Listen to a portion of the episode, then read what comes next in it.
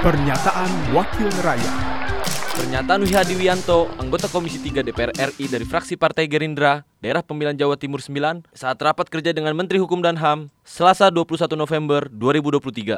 Itu nggak perlu nyoblos, yang nyoblos sipir aja bisa pak. Warga binaan itu. Dan warga binaan makan takut. Jadi ini suatu hal yang tidak macam-macam ini. Karena permasalahan ini adalah lapas ini sangat rawan.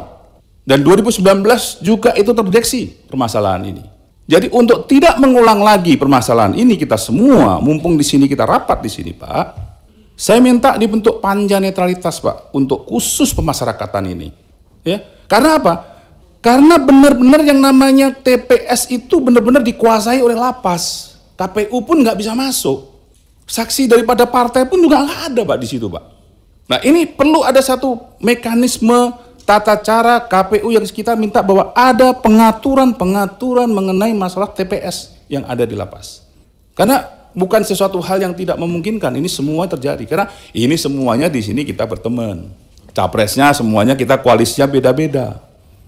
Nah, entah capres yang mana saya tidak tahu di sini. Tetapi ini indikasi ini ada Pak. Ya kan, indikasi ini ada. Jadi saya minta ini untuk diselesaikan Pak. Pernyataan Wihadi Wianto, anggota Komisi 3 DPR RI dari fraksi Partai Gerindra, daerah pemilihan Jawa Timur 9, produksi TV dan radio parlemen, Biro Pemberitaan Parlemen, Setjen DPR RI.